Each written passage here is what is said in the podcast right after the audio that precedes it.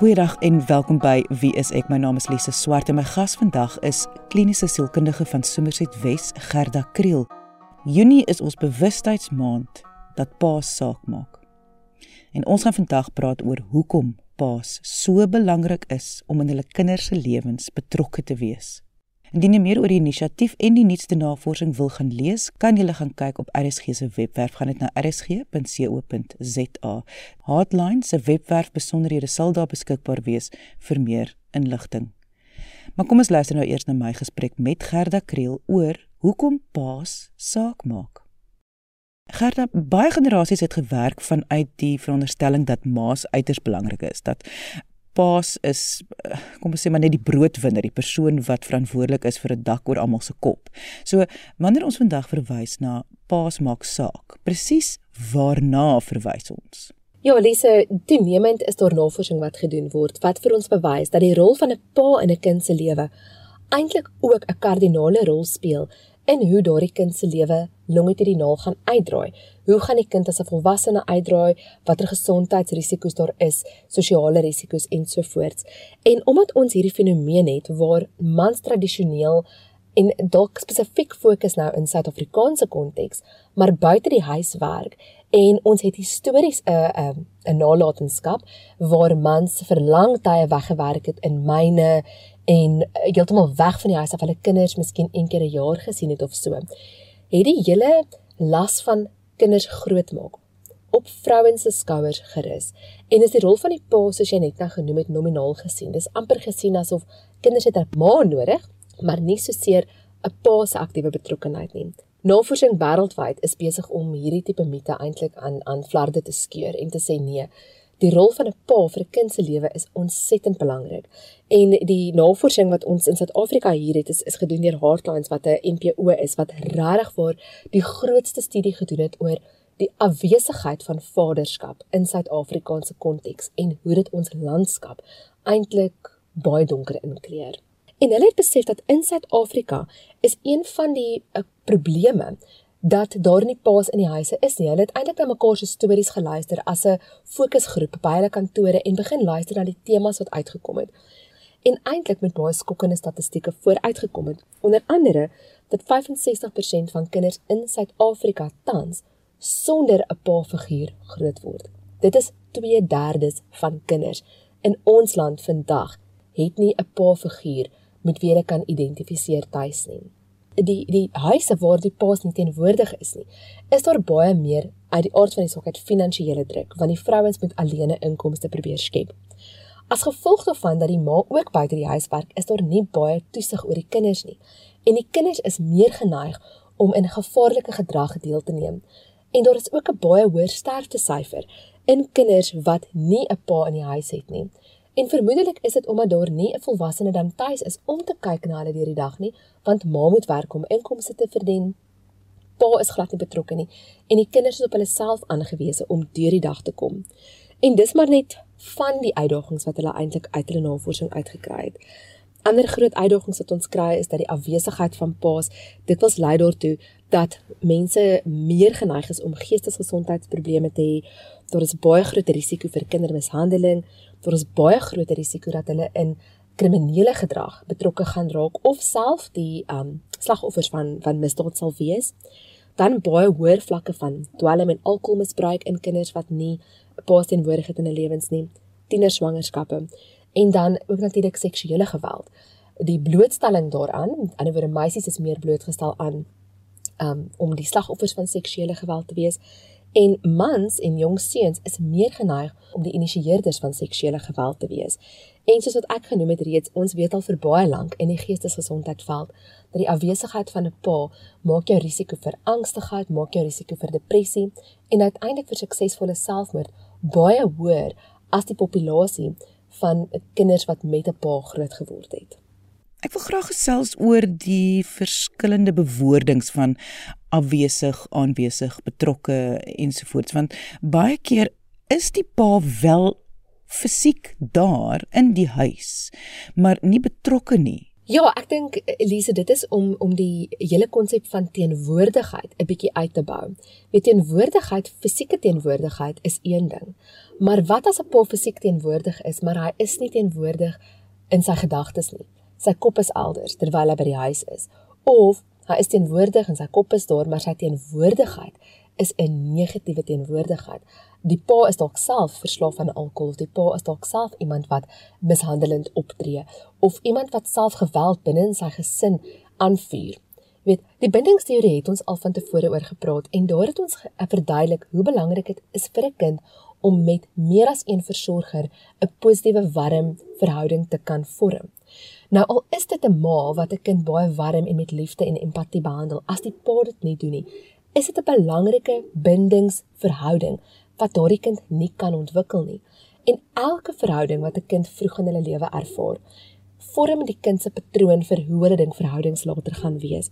Wat beteken as 'n kind aan 'n gewelddadige pa blootgestel is of aan 'n pa wat afwesig is of afkrakend of enigiets soos dit, begin daardie kind dink dit is hoe my volwasse verhoudings ook moet lyk.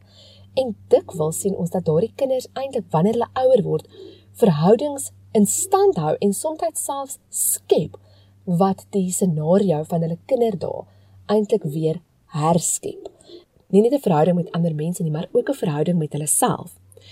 'n 'n kind se selfwaarde word geheg aan hoe hulle ouer hulle op hulle reageer. Maar net om daar te wees en net die kind raak te sien, skep vir die kind die boodskap dat ek sien jou, jy is belangrik. So 'n kind ontwikkel 'n goeie selfkonsep wanneer 'n ouer dit vir hulle terugreflekteer. Die afwesigheid van 'n pa wat in staat is om dit te doen, het sy omdat hy glad nie daar is nie of omdat hy daar is maar hy het nie die emosionele kapasiteit nie of hy is dalk gevaarlik vir 'n kind. Laat 'n leemte in 'n kind se selfkonsepontwikkeling wat regtig uit hulle hele lewe lank met hulle kan wees. Watter rol speel maas in hierdie omstandighede?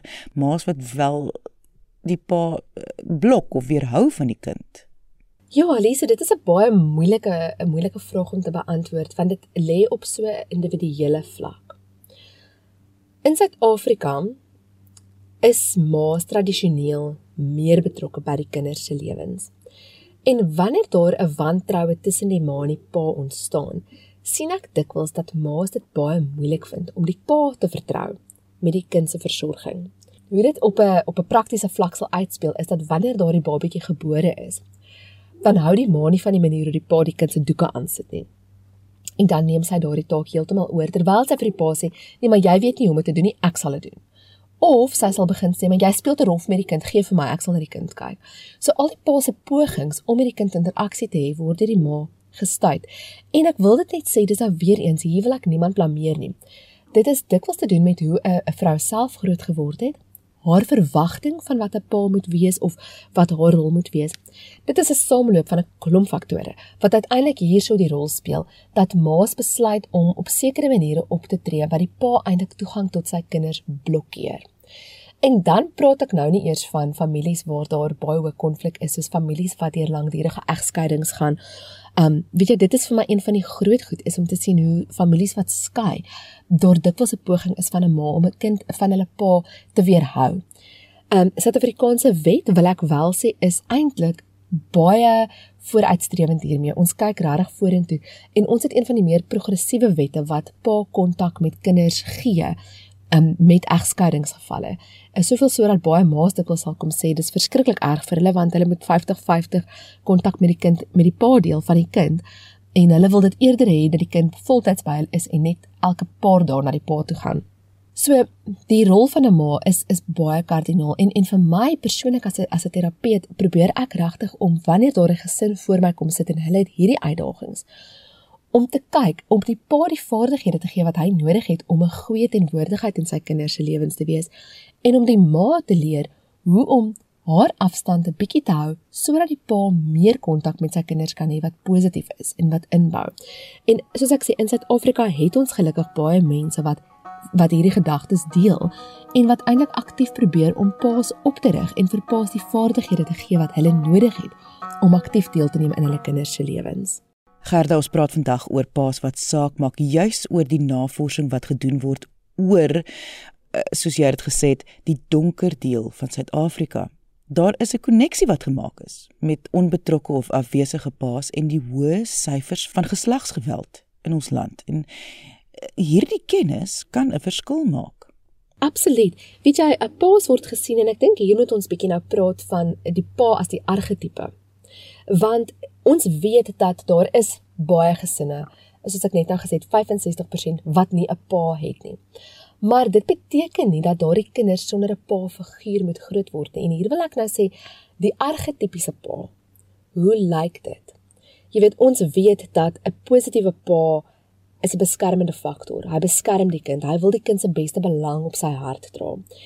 En vir daardie rede, dis hoef dit nie net 'n biologiese pa te wees wat in daardie kind se lewe intree nie. Dit kan 'n manfiguur wees wat 'n positiewe rol speel, byvoorbeeld 'n sportafrigter of 'n geloofsleier in die gemeenskap of 'n buurman of 'n oom of 'n oupa. Enige iemand wat 'n man is wat 'n positiewe rol wil speel aktief in hierdie kind se lewe. So wat ek baie hiervan hou is hierdie 'n navorsing onderskei vir ons hier tussen vyf soorte pa. En hulle hulle sê dit ook ons kategoriseer dit losweg in vyf groepe pa's, reg? Hulle sê jy die afwesige pa, en dis nou 'n biologiese pa wat glad nie fisies of emosioneel of finansiëel teenwoordig is in 'n kind se lewe nie. Dan kry jy die teenwoordig maar afwesige pa. So dis daardie wat ek genoem het 'n biologiese pa, hy's fisies teenwoordig, maar hy's nie emosioneel of finansiëel betrokke in die kind se lewe nie. Dan kry ons 'n bywoner pa. Dis 'n biologiese pa wat in dieselfde huis woon as die kinders vir minstens 4 dae per week dan kry jy 'n pa, uh, hulle praat van 'n 'n nie inwonende pa wat 'n pa is wat aktief betrokke is in die kind se lewe maar wat nie in dieselfde tuiste woon nie. En dan kry jy 'n sosiale pa. En dis 'n vaderfiguur wat homself eintlik daardie rol toegeskryf het as gevolg van sy betrokkeheid in die gemeenskap, as gevolg van sy betrokkeheid by hierdie gesin of by hierdie kind. En dit is 'n pa wat sy eie biologiese kinders selfs kan hê, maar wat aktief belangstel in die welstand van hierdie kinders. Reg. So dis maar net om te verduidelik hoe die die die proksimiteit van hierdie paas in die kinders se lewens kan lyk as ons hiervan praat. In die afwesigheid van 'n manlike figuur, 'n pa-figuur wat as 'n beskermer optree, wat eintlik optree as iemand wat alles in die kind se beste belang wil hê, is hierdie kinders dikwels uitgelewer aan ander kinders wat moontlik seksueel misbruik is of aan volwassenes wat hulle in gevaarlike posisies plaas. Um, ons lees baie in die media ongelukkig van vrouens wat die kinders um, bedags in die versorging van hulle lewensmaat stuur wat nie 'n biologiese pa is nie wat ook nie eintlik 'n pa rol wil speel in die kind se lewe nie en dat daar dikwels verskriklike mishandeling aan die hand van hierdie mans plaasvind wat eintlik die kind uit die weg wil ruim is soms so erg dat dit lei tot die tot die afsterwe van 'n kind en dit is daarom dat dit so belangrik is om te sê Ons het nodig om paas ak te aktiveer. Dit hoef nie biologiese paas altyd te wees nie. Daar is dikwels redes hoekom dit nie die biologiese pa kan wees nie. Maar kan ons dit in ons samelewing 'n uh, 'n groep paas kry wat sê ons gaan nou opstaan as die beskermers van die kinders sodat ons uiteindelik vir die volgende geslag baie van hierdie probleme wat vaderloosheid eintlik bring teen kan beskerm. Maar waar begin 'n mens dan om hierdie paas te aktiveer? Begin mens by seuns, by jong mans, by bereidwillige mans? Elise, dis 'n dis 'n weer eens een van daardie vrae wat so individuele antwoord het dat dit eintlik moeilik is om presies 'n 'n globale antwoord te gee. En in Suid-Afrikaanse konteks is dit selfs moeiliker omdat ons soveel verskillende sosiale strata het in Suid-Afrika. Ons het brandarme mense wat op die broodlyn lewe en selfs daaronder dan het ons 'n lae middelklas, dan het ons 'n middelklas, dan het ons 'n hoër middelklas, dan het ons 'n hoër middelklas wat en dan het ons die rykstes van die rykstes. Nou wat ons navorsing vir ons uh, sê en ek dink dit is altyd belangrik dat ons terugkeer daarheen en kyk wat sê die navorsing, watter aanbevelings maak hulle want onthou hulle het gaan kyk na 'n deursnit van vaderskap oor al hierdie sosiale strata in Suid-Afrika. En wat die navorsing vir ons wys is dat paas wat in 'n middelklas, hoër middelklas en ryk samelewing leef, het reeds hulle praat van die volgende vlak van vaderskap begin betree. En dit is daar waar die pa dikwels in die huis woon of dan nou ten minste 4 keer 'n week die kinders sien as daar 'n egskeiding was wat aktief betrokke is in die kind se lewe wat finansiëel bydra tot die kind se lewe en wat reeds daardie volgende vlak betree het van emosionele betrokkenheid, want dit is waar ons wil uitkom. Ons wil paas emosioneel betrokke kry by hulle kinders.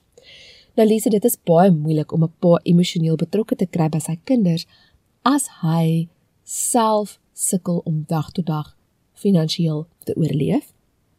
Hoe moet hy dan nou nog sy kind in die oë staar, emosioneel beskikbaar wees vir die kind as hy nie vir die kind kos kan voorsien nie. En dit is die groot uitdaging wat ons vind in Suid-Afrika is dat paas bly dikwels weg uit hulle kinders se lewens uit omdat hulle voel hulle kan nie voorsien nie. So natuurlik kyk ons nou nie meer net na 'n suiwer sielkundige probleem nie, ons kyk nou meer na 'n psigososiale probleem. En dit is wanneer jou sosiale omstandighede waarin jy lewe, jou sielkundige welstand, jou sielkundige toestand as as te ware affekteer en dat dit jou gedrag op 'n spesifieke manier affekteer wat weer dan nou die groter samelewing ehm um, negatief of soms positief kan impakteer. Reg, so dit loop eintlik so sê sosiale goed is diep verweef met mekaar en hierdie vaderskap um afwesigheid is een van die mees drukkende psigososiale kwessies dink ek van ons tyd. Maar wat ons weet is dat ons regering ook begin het met 'n vaderskap program waar hulle aktief in gemeenskappe paas probeer kry om vir hulle vaardighede te leer om vir hulle te wys hoe lyk dit as 'n pa aktief is? Hoe lyk dit as 'n pa betrokke is? En is ongelooflik die opleiding wat daar of daaroor gedoen word. So wat ons nodig het om te doen is om in die gemeenskap in te tree en te kyk hoe kan ons paas van die grondvlak af ondertoe bemagtig om aktiewe en betrokke paas te wees in hulle kinders se lewens. Nou Lise, waar ons regering ek dink ons faal is met werkskepping. Die navorsing wys vir ons dat 'n pa wat werk, wat 'n inkomste verdien, meer moontlik in sy kind se lewe gaan positief intree, meer teenwoordig gaan wees, want hy kan sy kind in die oë kyk, reg? So hier is 'n trots ding ook wat 'n rol speel, maar met goeie reg. Ons kinders kry swaar, ons gemeenskappe kry swaar. So werkskepping is een van die mees basiese maniere hoe ons paas kan bemagtig. En dan hardloop ons ehm um, regering ongelooflike programme om paas te help om programme aan te bied waar paas um deel raak van die voorgeboorteproses by die klinieke. Begin hulle vra dat die paas bywoon wanneer die ma vir haar ondersoeke gaan, sodat daardie baie belangrike binding wat voorgeboorte moet plaasvind reeds kan gebeur wanneer die vrou nog swanger is. En dan is daar natuurlik ongelooflike vaderskapsprogramme wat uitgerol word in ons armste van armste gebiede waar paas betrokke kan raak en waar hulle regtig vir hande kan vat en kan sê hierdie is hoe 'n goeie pa lyk. Want die realiteit is Lise in Suid-Afrika is daar 'n groot groep mans wat nie weet hoe lyk 'n goeie en 'n betrokke pa nie. Jy het vir my van hierdie navorsing aangestuur. Um dit weer eens is beskikbaar op RSG se webwerf vir mense wil wat graag wil gaan lees daaroor. Maar uh, daar het ek gelees en dit is wat vir my so verskriklik mooi is, hoe die eenvoudige goed 'n verskil kan maak. Soos om jou kind se hare te borsel of uh, te was en droog te maak of elke oggend by die ontbyttafel te wees of jy nou in in die huis bly of nie. Om net daar te wees voor die kind skool toe gaan of na skool. Net net 'n paar minute saam met die kind te spandeer. Die eenvoudige goed. Lise jy is 100% korrek wanneer jy dit sê. Weet jy ek het oor die naweek het ek hierdie oomblik gehad dat ek uh, sit en werk het met hierdie literatuur en en met my eie kinders en besef het dat ouerskap het ons te moeilik gemaak. Jy weet daar is ouerskapsblogs wat jy kan gaan lees. Daar is 'n eh, kursusse en daar is vaardighede en daar is hierdie tipe manier van ouerskap en daardie tipe manier en daar is verstaan jou kind beter. As ons net sal stilraak en besef dat ouerskap is nie 'n werkwoord nie. Ouerskap is eintlik 'n verhouding. En as ons dit kan sien uit daardie perspektief uit, van jy wil 'n verhouding met hierdie kind bou. Jy wil hierdie kind leer ken. Ja, jy wil die kind leer hoe om in hierdie samelewing te funksioneer. Maar primêr is dit net ek wil jou leer ken. Jy is belangrik genoeg vir my om belang te stel in die kleerkruit waarmee jy die graagste inkleer. Jy is belangrik genoeg vir my dat ek opdaag vir die goed wat in jou lewe belangrik is, jou sport of of jou maatjie se partytjie of jou verjaardag. Weet jy, dis dis regtig een van daai goed wat vir 'n kind belangrik is wees net daar, daag net op, bou net aan die verhouding. En die en die groot uitdaging is um ongelukkig met ouerskap is daar twee mense wat oor 'n kind ouer is, 'n ma en 'n pa. En die ouer verhouding, die verhouding wat die ma en die pa met mekaar het, filtreer heeltemal te maklik af na die kinders toe. Dit is ontsettend belangrik dat ouers leer om daardie verhouding te onderskei, dat die pa en die ma het 'n verhouding, maar elkeen van daardie ouers kan 'n individuele en behoort 'n individuele eintlik ongefiltreerde, ongekompliseerde verhouding met die kind te hê wat onafhanklik en los staan van die verhouding wat hulle met mekaar het. Dan dink ek, kan jy regtig vir ouers eintlik bevry om te sê, geniet jou kind. sien jou kind raak, wees net teenwoordig. Maar daar is 'n groot stuk hartseer in ons samelewing en dit is dat generatief is daar goed oorgedra. Paas van vandag maak maar hulle kinders dikwels groot soos wat hulle paas hulle groot gemaak het. Dit vat selfinsig, Lisa, om 'n ouer te wees wat sê ek gaan my kind anders grootmaak. Nie omdat jy dink jou ouers was verkeerd nie, maar net omdat jy die die merke wat hulle groot word jare op jou gehad het en hoe jy groot word op jou lewe kan identifiseer en raak sien en daarom besluit om dit anders te doen vir jou kinders. Ouerskap kan ongelooflike verrykende ervaring wees. Dit is die mooiste, dit kan die mooiste verhouding van jou lewe wees. Dit is die enigste verhouding waar jy van geboorte af betrokke is by daardie persoon. Maar in sy essensie is dit nie 'n stel vaardighede. Dis nie 'n stel reëls wat jy moet volg om 'n perfekte kind groot te maak nie. Eerstens is dit net 'n verhouding. Vir ons afsluit wil ek net weet, is dit ooit te laat as 'n pa nou luister en sy kind is al 'n volwassene? Ek bedoel, kan kan hy nog 'n verskil maak? Moet paas opstaan en intree? Maak nie saak hoe laat dit nou is of hoe oud die kind nou is nie. Nee, dis nooit te laat vir 'n pa om betrokke te raak nie, nie eens by jou volwasse kinders nie. Ek dink wanneer ek met met mense werk en dit is nou maar so half wat ek in my spreekkamer aanskou. Wanneer daar 'n 'n pa is wat altyd afwesig was of altyd miskien gewelddadig opgetree het en nou anders moet optree. En daardie ouer kan na die kind toe gaan en sê ek verdien nie noodwendig 'n plek in jou lewe nie. Ek was verkeerd, ek het foute gemaak. Maar ek is hier om vir jou te sê ek wil verander en jy mag kies of jy my wil vergewe of nie. Ek is hier om jou vergifnis te vra, maar jy kan kies of jy my in jou lewe wil toelaat of nie, maar ek is ek is hier. Ek wil nou. En as die kind dan wil sê hoe hulle voel en hoe hulle affekteer is, dat die ouer luister sonder om noodwendig hulle self te verdedig. Hoor net jou kind, luister net na wat dit wat jou kind sê. Dan kan daardie verhouding opnuut gevorm word. Dit gaan nooit wees wat dit is as 'n kind klein is en na 'n pa opkyk. Daar gaan dalk nooit daardie helde verering wees wat so natuurlik vir kinders kom nie maar paas kan enige tyd intree en betrokke raak. En wat ek sien is dat wanneer 'n pa dit kan doen, wanneer 'n pa kan verander, is daar 'n stuk genesing wat in daardie kind se hart plaasvind wat jare by 'n sielkundige nie reg kan kry nie. So dit is nie te laat nie, maar dit vat selfopoffering en dit verg ek wil sê eintlik 'n nederigheid en dit verg eintlik 'n posisie van ek is regtig jammer om hierdie verhouding te kom herstel. Maar dit kan gebeur. En en ek wil so ver gaan as om te sê dat ek dink dit moet gebeur. Ek dink Lise dat as ons in Suid-Afrika hierdie kwessie van vaderskap kan begin verander, dan kan ons 'n radikale verandering in ons gemeenskap se landskap sien. Jy weet, dit hoef nie moeilik te wees nie. Jy kan elke dag 'n paar minute met jou kind praat en met jou kind 'n gesprek voer ehm um, intendeel hulle vra vir van die respondente in hierdie navorsing wat het jy nodig van jou pa? Wat wil jy hê van jou pa?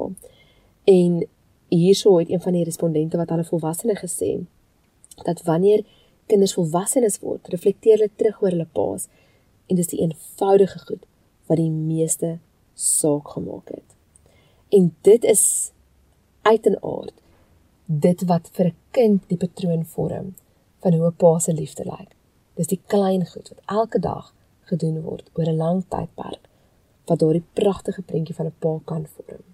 En dit was Gerda Kriel, kliniese sielkundige van Somerset Wes. Indien jy enige vrae het, kan jy ons kontak deur die webwerf gaan net na wieisek.co.za.